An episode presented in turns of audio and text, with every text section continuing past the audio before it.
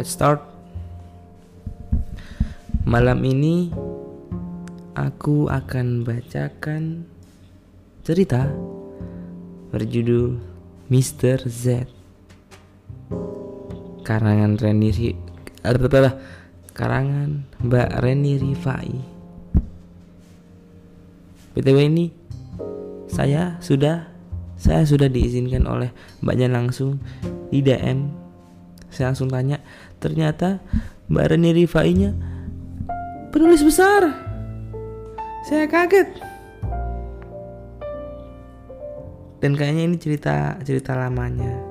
Tapi sumpah keren. Ini tuh ada ini tuh ada apa sih apa sih namanya? Serinya bukan seri. Nyambung. Nyambung cuma ini tuh kan Mr. Z, ini kan Mr. Z. Nanti juga ada Mr. Y, ada Mr. X. Keren dah, tungguin aja. Kita malam ini mulai dari Mr. Z dulu kata mbaknya gitu. Enggak. Ya, gitulah. Mari kita mulai.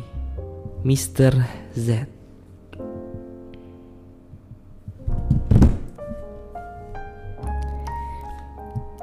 Ibu cepat-cepat menghamparkan bagian atas selimut ke seluruh wajahku. Kamar yang gelap kini menjadi semakin gelap. Aku hanya dapat mendengar suara desah nafas dan ranjang yang naik turun. Setelah beberapa lama, ranjang berhenti bergerak.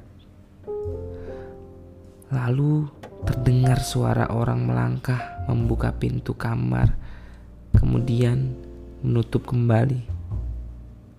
Kemudian menutupnya kembali.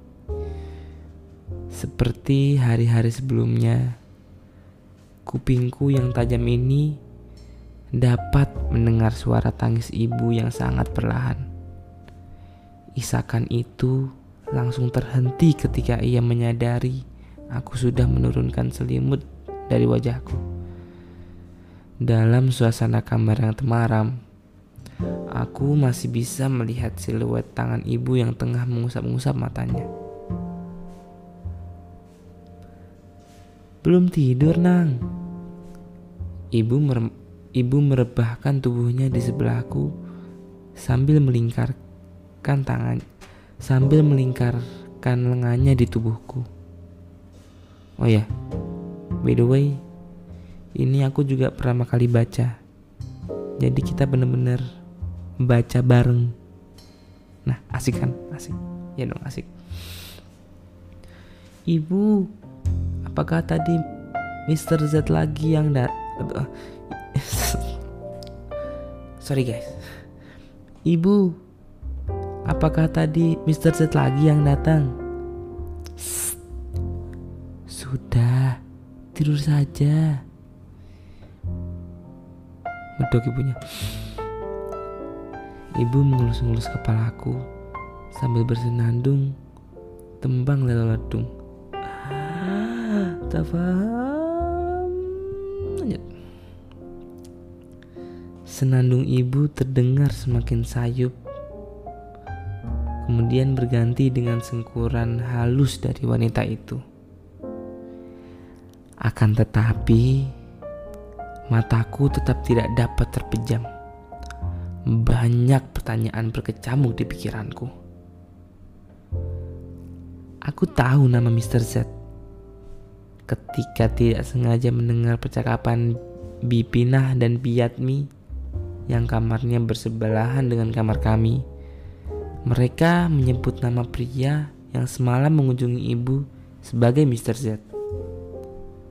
Namun, siapa sebenarnya Mr. Z? Seperti apa wajahnya? Mengapa ia selalu datang malam-malam? Ketika lampu kamar sudah dimatikan. Mengapa Mr. Z menindih ibu? Ups. Ya. Dulu aku pernah mengintip sekali. Tetapi setelah itu aku tidak berani mengintip lagi. Aku kaget melihat postur badannya yang besar begitu garang menindih ibu. Aku takut ia akan menindihku juga. Sehingga cepat-cepat aku kembali menutup wajahku dengan selimut. Tidak heran kalau ibu selalu menangis setiap kali Mr. Datang mengunjunginya. Ibu pasti kesakitan harus menahan tubuh sebesar itu. Pagi hari tiba. Seperti biasa, Ibu memandangiku. Eh, seperti biasa, seperti biasa, ibu memandikanku. Sebenarnya aku sudah bisa mandi sendiri. Tetapi aku sering berpura-pura malas mandi sehingga ibu pun harus menyeret dan memaksaku masuk ke kamar mandi sehingga ibu pun harus menyeret dan memaksaku masuk ke kamar mandi. Nah, Nang, hmm, suara ibu, siap. Nang, Nang, hmm, hmm. Ibu dong ibu. Nang, usiamu sebentar lagi lima tahun. Kok masih kayak anak bayi? Omel ibuku. Ibu menggosok tubuhku sambil bersenandung lagu Jawa dengan suaranya yang merdu. Aku senang mendengarnya bernyanyi. Karena itu membuat wajahku berseri-seri dan ia seperti melupakan kesedihannya. Makanya aku sering menggunakan segala cara agar ibu mandikanku di pagi hari. Usai mandikanku, ibu bersama Bipina dan Piatmi naik ke atas untuk mulai bekerja. Sedangkan aku bermain sendiri di halaman dekat kamar mandi. Eh, dekat kam ah, sedangkan aku bermain sendiri di halaman dekat kamar kami. Sesekali aku mengintip lewat pagar besi yang memisahkan halamanku dengan halaman tuan besar. Bos ibu. Halaman tuan besar jauh lebih luas dari halaman tempatku bermain. Ada banyak bunga cantik dan sebuah kolam renang besar. Suasana sangat sepi. Padahal kemarin-kemarin beberapa kali kulihat anak-anak kecil berenang dan bermain di situ.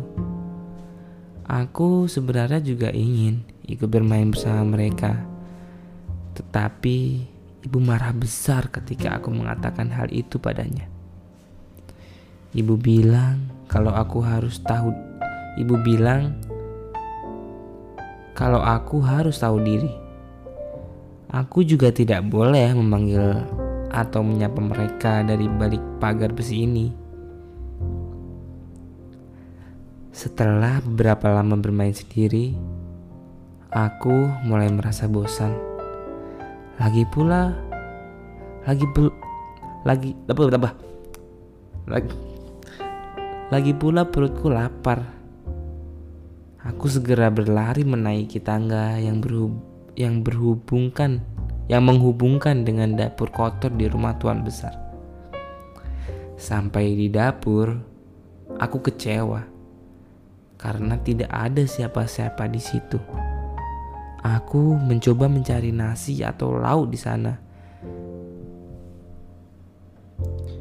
Tetapi nihil. Tiba-tiba mataku tertumpuk pada pintu dap. Hmm, ulang. Tiba-tiba mataku tertumbuk pada pintu dapur di depanku. Pintu dapur selama ini selalu tertutup Kata ibu, itu area terlarang untukku. Dasar aku nakal. Saat ibu lengah, aku pernah beberapa kali mencoba untuk membukanya. Namun sialnya, namun sialnya selalu saja ketahuan sebelum aksiku berhasil. Meskipun ibu sibuk mengerjakan sesuatu, tetapi ia selalu tahu gerak-gerakanku. Aku melihat ke kiri dan ke kanan. Tidak ada siapa pun di sini. Rasa laparku tiba-tiba hilang. Berganti dengan rasa penasaran. Sebenarnya ada apa di balik pintu itu? Perlahan aku menggerakkan gagang pintu dan mengintip ke dalam. Wow. Aku berdecak kagum. Ruangan di dalam ternyata sangat luas dan indah sekali. Dan yang paling menarik, Aku melihat ada mobil-mobilan besar di situ. Aku ingin sekali mencobanya. Aku pun mengendap-endap masuk ke ruangan itu. Suasana sangat lengang. Ketika di dekat mobil-mobilan itu, aku pun mengelus-elusnya dengan perasaan bahagia. Aku pernah melihat yang seperti ini di televisi Tak kusangka akhirnya aku bisa memegangnya langsung.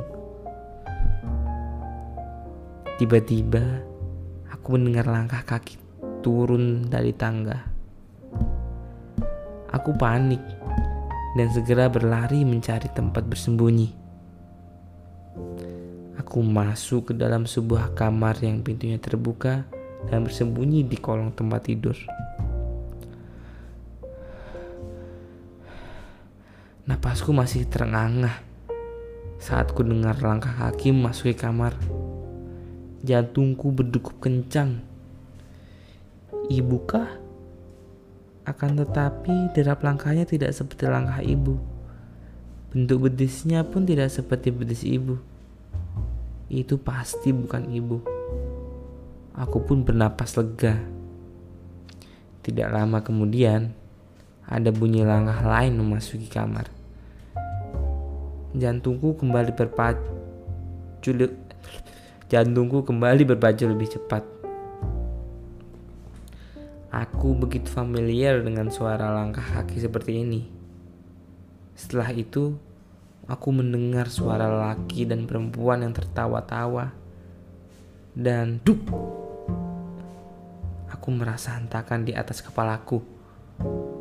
Rupanya mereka tengah menghempaskan badannya di atas ranjang tempatku bersembunyi.